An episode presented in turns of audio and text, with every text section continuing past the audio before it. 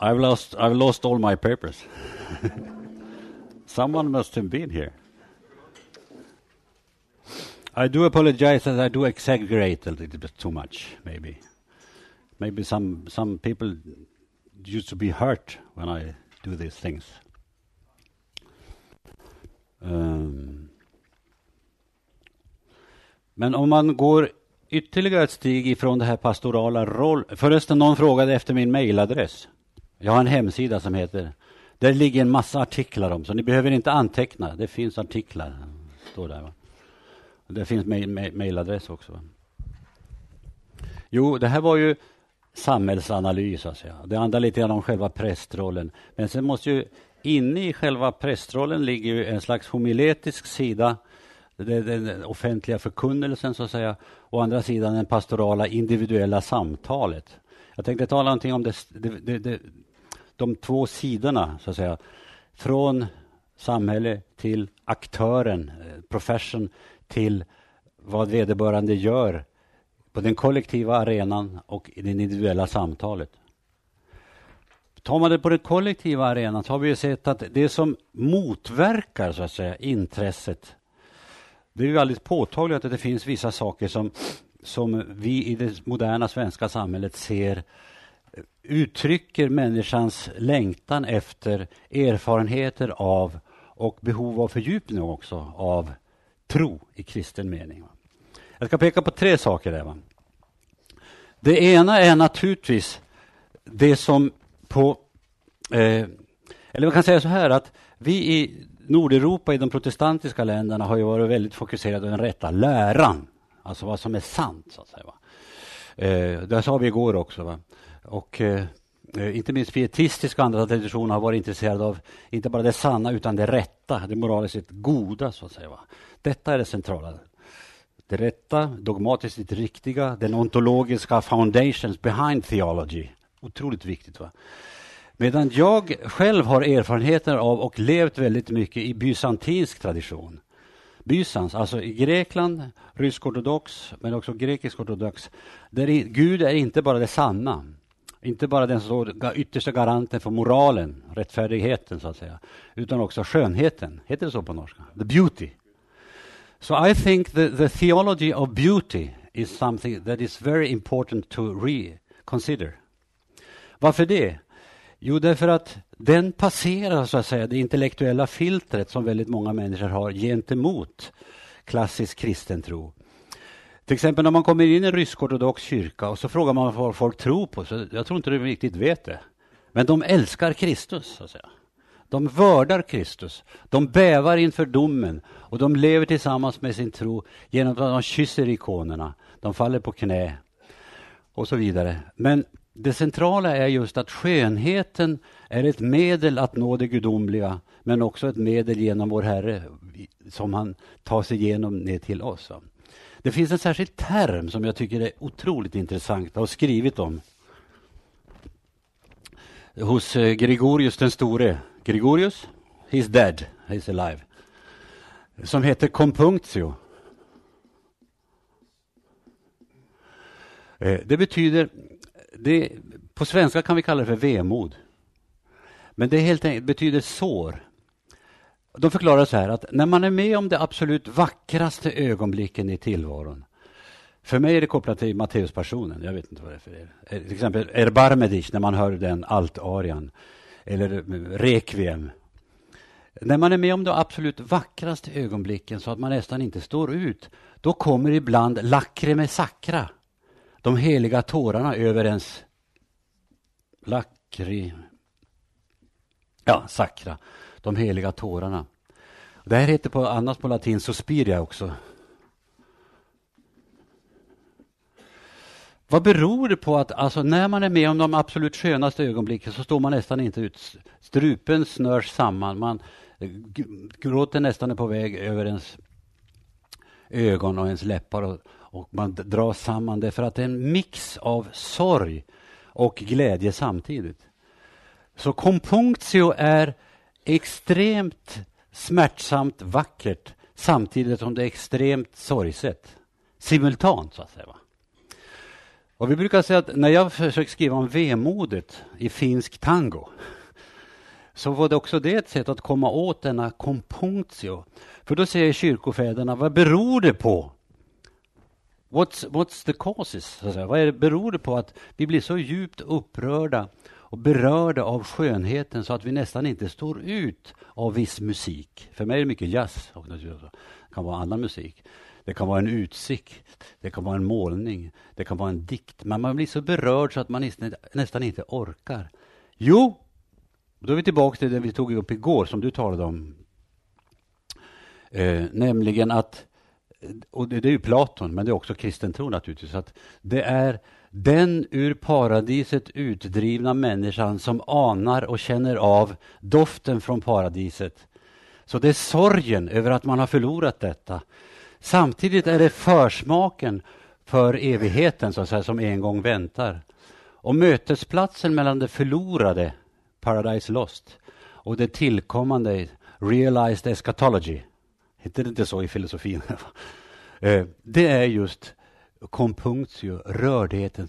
Så jag jobbar ihop med musikforskare som just studerar melankoli, moll, heter det moll, molltonarter, minor, molltonarter och andligt språk. Och det finns en korrelation mellan upplevelse av sorgsen musik och viss typ av andligt språk och de gamla själavårdsfäderna skulle säga visst, så är det ju. Därför att det vi, det vi så att säga, ontologiskt sett drabbas av i skönhetens ögonblick, det är minnet av the, mem the memory. Men också, vad heter försmak? Aning heter det på svenska. Heter, finns det aning? Änelse. Ja. Försmak, aning.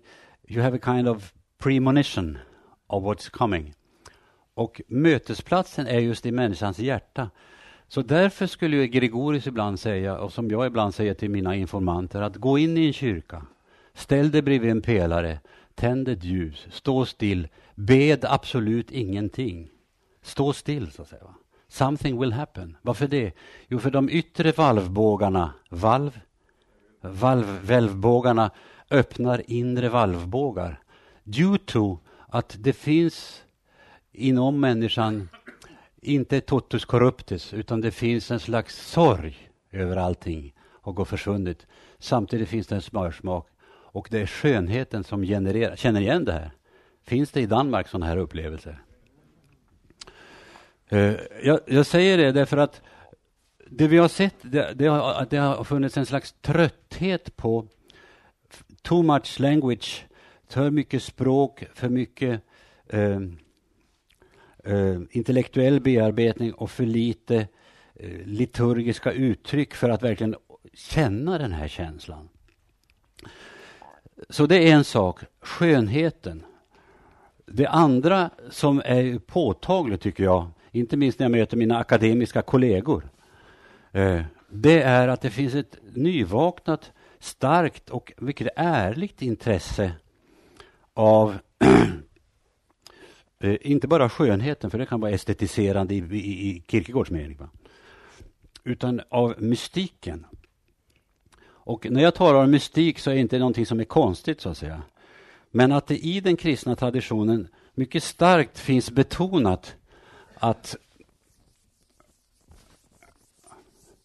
att eh, det finns en hemlighet Första kvar 4.2. Så som förvaltare av Guds hemligheter, så må man anse oss. Heter jag vet inte vad det heter på ert språk. Så som förvaltare av Guds mysterium, to theo, så må man anse oss. Och vad man ska anse om en förvaltare i en förvirrad värld, det är inte att han ska vara trevlig eller snygg eller spela gitarr, utan att han ska vara trogen, står det. Att han ska vara trogen hemligheten. Och då är man tillbaka till don't explain. Trust what you are talking about. Som vi pratade om igår. Så när jag pratar om mystik så, att säga, så, så eh, kan du låta väldigt förvirrat. Men det är alldeles uppenbart att det finns en tradition som, som kallas då för den katafatiska. Men det är katafatisk. Men det som jag fascineras av, det är den apofatiska, apofatisk mystik eller teologi det kan man också säga, det kallas den negativa teologin. Då säger man att man, man, man kan bara säga vad Gud inte är. Man kan aldrig komma åt egentligen vad Gud ytterst sett är, utan Gud är alltid större än alla människor. Vi brukar kalla det för oteologi. Gud är omätlig. Ja, ätlig, outgrundlig, oförståelig och så vidare.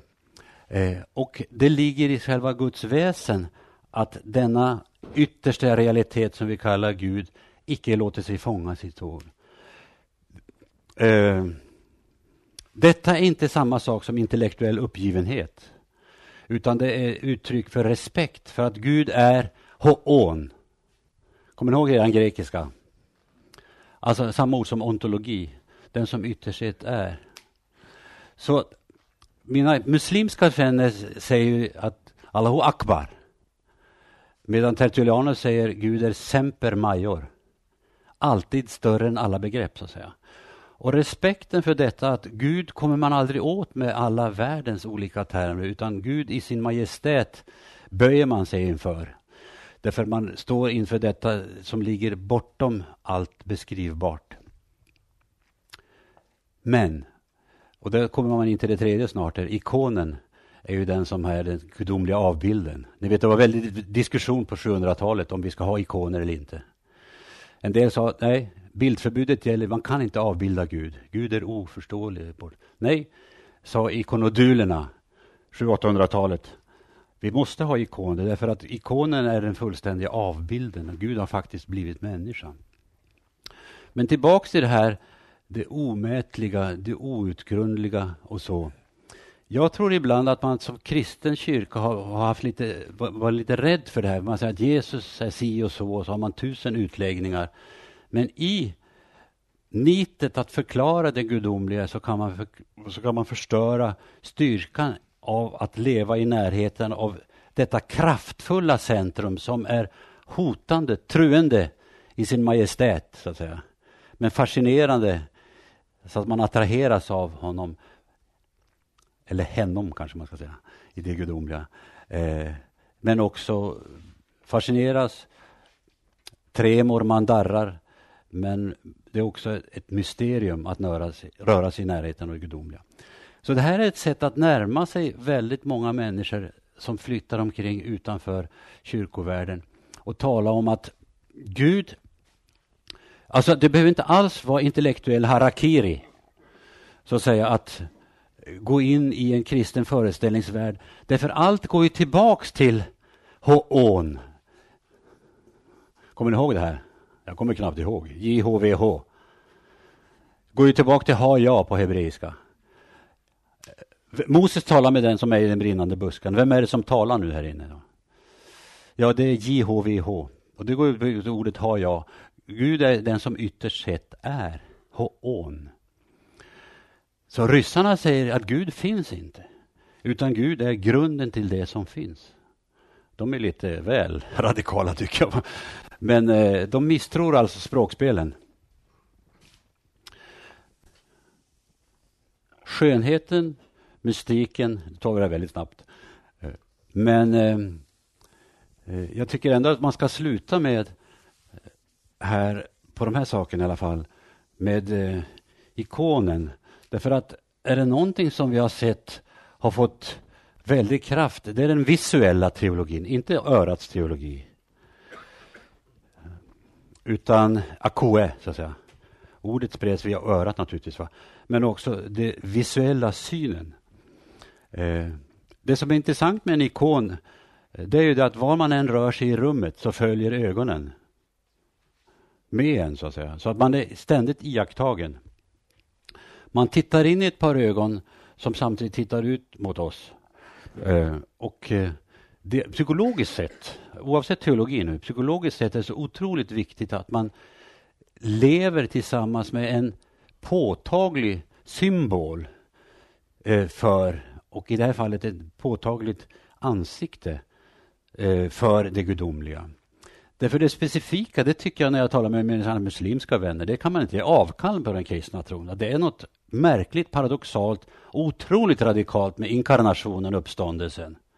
Slutar man tala om det så är man inte kristen längre. Och därför tycker jag man måste stå på sig om detta. Och det gjorde Kristi kyrka när man slog ihop den så att säga med att beskriva ikonernas otroliga roll. Därför att dels är det en person faktiskt som tittar ut mot oss, nämligen Kristus. Född då och då, död då och då, gick omkring och sa en massa saker, uppstod, lever i sin fattiga men dock kyrka så att säga. Kristus som person inkarnerad. Det påminner den här bilden om. Samtidigt så står det ån kring varje ikon. Så att å ena sidan är det en gestalt som vi relaterar oss till. Samtidigt är den ytterst av verkligheter som ligger långt bortom alla språk. Och Det är därför som ikonen erbjuder en, en slags vilopunkt för den moderna människan. Jag har skrivit en hel bok som heter Ikonen i fickan. Vad heter det på norska? Nej. För. Jag ska bara se om jag hade den i fickan här idag. Ja, den här. Till vänster är det nu, nu är det bara ett, det är en, tri, det är en tredelad ikon egentligen. Jag fick den från, Eh, Jag undervisade i Murmansk. Jag fick den av en liten pojke i Murmansk. Där, va? Till vänster är Maria, till mitten är det Kristus som inte är där just nu. Va? Och här är Nikolaj, Niklas, Sankta Klaus. Tomten helt enkelt. Va? Ehm, men ikonen i det här fallet, även den här lilla ikonen, har just detta kring mandorlan här hos Kristus står just de här tecknen, den som ytterst sett är. Som går tillbaks till, ni vet alla jag är i Nya Testamentet, jag är världens ljus, jag är det. Som går tillbaks till att grundsymbolen i de abramitiska religionerna är att Gud är den yttersta av verkligheter. Den som är, var och skall komma. Det är den som man visualiserar när man ser in i ett ansikte. När vi sysslar med, om jag återvänder nu här, till, kring den här moderna samhällsstrukturen och så vidare, så har vi sett att Igår sa jag det att det fanns olika typer av oroshärdar som vi tänker på som psykologer. Det finns biologiska naturligtvis, och psykologiska, sociala. Men att det finns också existentiella gåtor. Ditt och tiden, tidens gång och dödens realitet. Skulden, meningen, Gud. Ständigt finns. va. För det mesta tänker inte folk på det här. Va? Folk har andra saker för sig. Så att säga. Men när vi relaterar livscykel till de här frågorna, om vi säger det här är en människa nu här, så har vi sett att om det här är noll år, det här är 20 år och det är 40 år och det här är 60 år och det går natt här borta. Va? It's over, så, att säga. så kan vi se ganska påtagligt i våra studier att vid vissa stadier i själva livscykeln så aktualiseras eh, den här typen av frågor. Eh, om, om, om, mening och, och, sånt. Så livscykel har att göra med livsfrågor. Och hela den kristna tolkningsramen handlar ju om de här sakerna. Har man inget språk för det som präst, att kunna tolka människans livssituation, så har man svårt att överleva. Det är där, det är där en specialitet ligger, säger jag ofta när jag pratar med psykologer och sociologer. och sånt där. Existentialfrågeprovocerande, men också existentialfrågetolkande. Det är det man handlar om. Men ser man då i relation till livscykeln, så, så en, ja, en sexåring ställer ju andra frågor än en nollåring. Man har större kognitiv kapacitet. Då kan man börja förstå till exempel vad döden innebär. Det som sticker upp nu har vi sett att det finns väldigt mycket kring 20-25-årsåldern. Det visste inte vi. Att det finns ganska mycket existentiell oro i bagpackergenerationen. Traveling around the world. Jag har själv skrivit om, om eh, eh, vad heter det, inte, ja just bagpacking tillsammans med turistorganisationen. Och det visar att väldigt många ungdomar skapar sin identitet genom att resa långt och vara med om väldigt mycket och generera en slags självuppfattning genom ständigt nya upplevelser. Det finns en upplevelsenarkomani som vi har sett hos en del går över till en slags rastlöshet som vad, vad, är det som finns? Vad är viktigt? Jag kan åka till Bahamas, jag kan åka jorden runt, jag kan göra vad jag vill. Jag kan bara, när jag är borta är jag hemma, för jag, det är bara att gå ut på nätet. Så att säga. Det går inte att åka bort längre. Det exotiska finns inte. Eh, men det genererar här lite frågor neråt. Sen har vi sett det här 37, 39 såg vi det som kallas för 40-årskriser. Att då verkar det också en större emotionell laddning i det här att de existentiella frågorna blir tydligare. Och då uppträder ju eh, liksom en, det är en slags hälsning att tiden går. Personer säger det blev det här frun, det blev det här barnen, det blev det här jobbet. Det blev inte så märkvärdigt. Tiden går. Eh, det, det kallas för i, i, i Sverige kallas det Vasaloppssyndromet. När vuxna män åker som idioter på e, elljusspår för att kompensera bortfall av charm och potens. Så det är klart att det är en slags, eh, en slags eh, kompensativ funktion som man har, delvis. Träningshetsen och kropps kroppsorienterade livsåskådningen. Så att i den kroppsorienterade livshållningen som är extremt kopplad till motion och så vidare finns det ibland en överton av livsåskådningsfrågor. har vi sett. Jag tycker det är intressant. Nu ska vi snart sluta. Jag är här, eller jag är jätte mycket här borta någonstans. Hos oss är det 61-63 visar det sig att det sticker ut. Det här är ju statistik.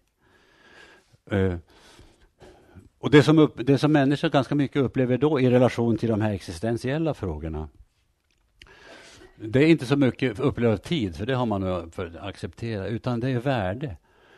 Uh, heter det value? value? All svensk sociallagstiftning säger ju att människan har ett egenvärde. Men väldigt många människor mäter sig, målar sig det, i relation till sitt produktionsvärde. Och när man så att säga, är på väg ut ifrån produktionsvärdet, vem är man då? så att säga? Då, kan man, då ställer man sig återigen, due to life cycle theory, så att säga, ställer man sig oftare och mer distinkt frågan om mening och mål. Och där finns också en tendens att återvända till sitt språk för religiositet som man en gång har haft men man har en ambivalent relation till. Va? Så i den meningen kan man säga att livsåskådning hör samman med livsfrågning, livsfrågor och livscykel. Jag är ju i den här relationen nu att jag är retired. Jag försöker lära mig att kalla det att jag är emeritus. Jag tycker det låter som eremit. Jag menar. Ett sätt att tala om vad som sker här, det är ju att rollerna tas ifrån en. My profession, alltså, eller alla har ju sitt yrkes, vad heter det nu, yrkesroll. Professional. Det tas ifrån en här. Va? Här är familjerollen. Barnen flyttar hemifrån. De, ni vet de, de tycker att det är trevligt att man kommer, men framför allt att man åker, tycker de. De har annat att göra. Eh, fritidsroll kanske. Jag är musiker, man kanske inte orkar med det. Jag spelar tennis. Ett sätt att tala om det är att om man har levt i en centripetal värld, där den här har varit väldigt central, så att säga. Om det här tas ifrån en, då sker, eller att man har centrifug, centrifugal kultur, man kastas utåt så här. Va? Så vad som sker vid åldrandet eller vid inbromsningen, det är ju den centripetala rörelsen här. Va? Och vem är man där? Och där har vi sett att det är här så att säga som frågorna finns. Va? Ja, men hade de, vad, vad, sa pappa och mamma egentligen om tro och mening och alla de här kristna? De kanske hade någonting att, viktigt att göra. Och då tycker jag att en bild av det här, det är ju det att vi lever alla i olika roller. så här. Vi springer runt och, och ni är präster och allt sånt där. Man lever i distinkta roller. Men ett sätt att tala om bön exempelvis. Bön. Bön? Prayer. Det är att människan, människan regelbundet varje dag, varje vecka återvänder till ett centrum som just är relaterat till Hoon, den som ytterst sett är. Va? Så en, en centrala identitet som människa, som präst, vad som helst, hela tiden är religio. Man återförbinder sig gång på gång. Innan jag flyger gör jag ofta korstecknet över mitt ansikte. När jag ser en ambulans gör jag ofta korstecknet och ber. Varför det? Därför att jag har blivit räddad av en ambulans. Och så vidare. När jag läser dödsannonserna, heter det så? Det är en slags markör för att tillvaron är provisorisk. Vi har här icke någon varaktig stad. Jag gör ett korstecken. Alltså, eller ber. Men det är mitt sätt att fysiskt be. Så att säga. Det finns en massa andra sätt.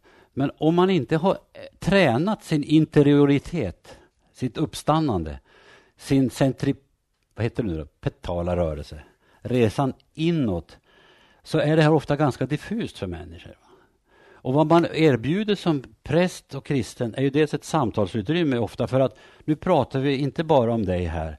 För när du sitter och talar om ditt liv så märker jag att det finns många frågor som inte alls bara har med ditt yrke att göra utan att du har en slags grundläggande förvirring. Vad kommer den sig av? Och då är man tillbaks till att det finns hos väldigt många människor när vi ser på det här som upplever en slags fundamental hemlöshet. Va? Och då brukar jag ibland läsa för folk eh, Augustinus klassiska bön, alltså Betänk, Herre, att min törst efter dig är ditt eget verk. Vad heter det på norska? Ja, på danska. Jag tycker det är så intressant här. Mitt hjärta är oroligt till dess det finner ro i dig. Alltså att det finns grundläggande törst. Och Augustinus säger så här, kan du inte trösta dig av någonting annat så kan du trösta dig av din oro. För den är genererad av orons uppkomst, nämligen Gud. Så där tror jag mycket av själavården börjar nu för tiden i det som vi kallar, både du och jag pratar om som längtan, längsel. Eh. Jag skulle vilja säga en sak eftersom jag står här nu och jag tycker så mycket om Erik Pontoppidan. Eh, därför han skiljer mellan två saker som har att göra med den här trons väg inåt. Han skiljer mellan den den vilande tron och den bydande tron. Den vilande tron, det är den som säger halleluja, Jesus lever i mitt hjärta. Underbart, jag är frälst, halleluja, toppen. Bra, säger Pontoppidan. Men det finns en annan slags tro. Det är den som ligger här borta som säger att jag förstår inte särskilt mycket. Jag, jag, jag kan inte peka på något. Jag har läst en massa teologi, men jag, förstår, jag vet inte om jag förstår det riktigt, tankemässigt. Jag känner inte särskilt mycket. Känsla, tanke, känsla. Och jag vill väldigt lite. Jag förmår. Tanke, känsla, handling. Så att jag, jag känner mig förvirrad. Men jag skulle vilja tro i alla fall.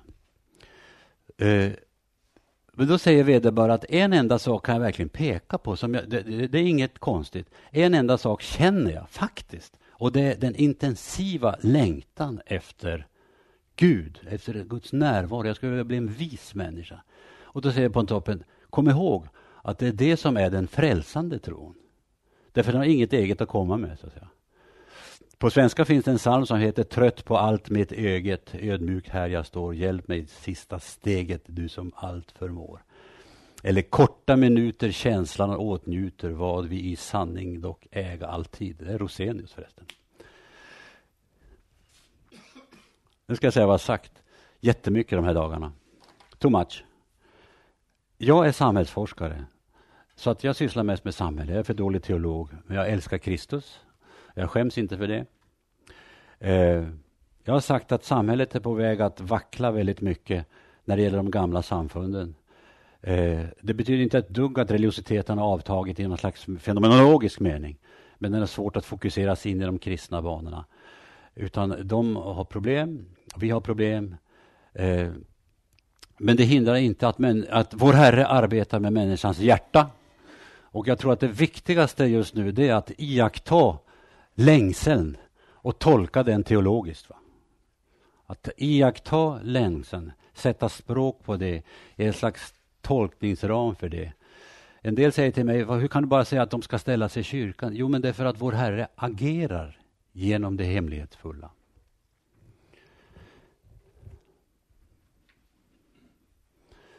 Frågor, sen så tänkte jag avsluta med någonting här.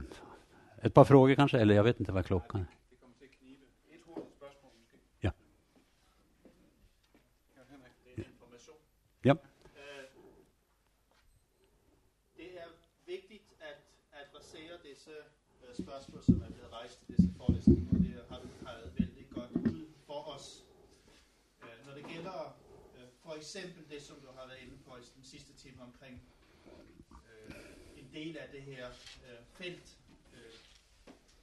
felt, har jeg bare lyst til at nævne igen, at i det næste nummer af Dansk Tidsskrift for Teologi og Kirke, øh, der kommer fokus på det her med åndelig dannelse, ud fra forskellige perspektiver. Og et af de områder, der dækkes på en, en vældig spændende måde, meget interessant og nyskabende måde, vil jeg også sige.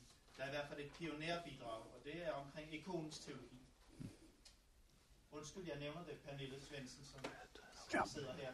Hun har skrevet en fremragende artikel omkring ikonens teologi, som er øh, rummer nogle vældig spændende aspekter, som man er nødt til, hvis man skal være ansvarlig i sit teologiske arbejde, at tænke med i den aktuelle kontekst. Ja. Øhm, før Ove Wikstrøm slutter af, vil vi herfra sige tusind tak, fordi du uh, tog imod vores invitation, og du har bidraget så fantastisk til vores arbejde her. Uh, det har varit smukt och vemodigt, Och vi är mycket tacknämliga för att du ville bidra. Tack ska du ha.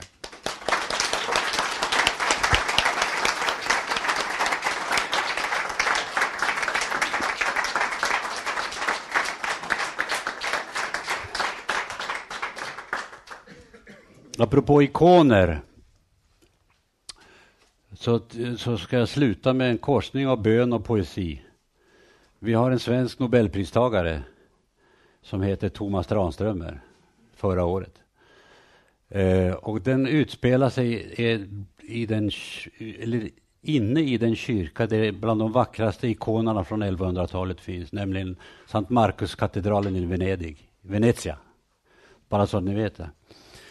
Eh, den låter så här. Inne i den väldiga romanska kyrkan trängdes turisterna i halvmörkret.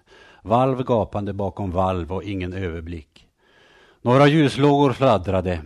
En ängel utan ansikte viskade till mig genom hela kroppen. Skäms inte för att du är människa. Var stolt. Inom dig öppnar sig valv bakom valv oändligt. Du blir aldrig färdig och det är som det ska. Blind av tårar föstes jag ut på den solsjudande piazzan tillsammans med Mr och Mrs Jones, herr Tanaka och signora Sabatini. Men inom dem alla öppnade sig valv bakom valv eh, oändligt. Amen.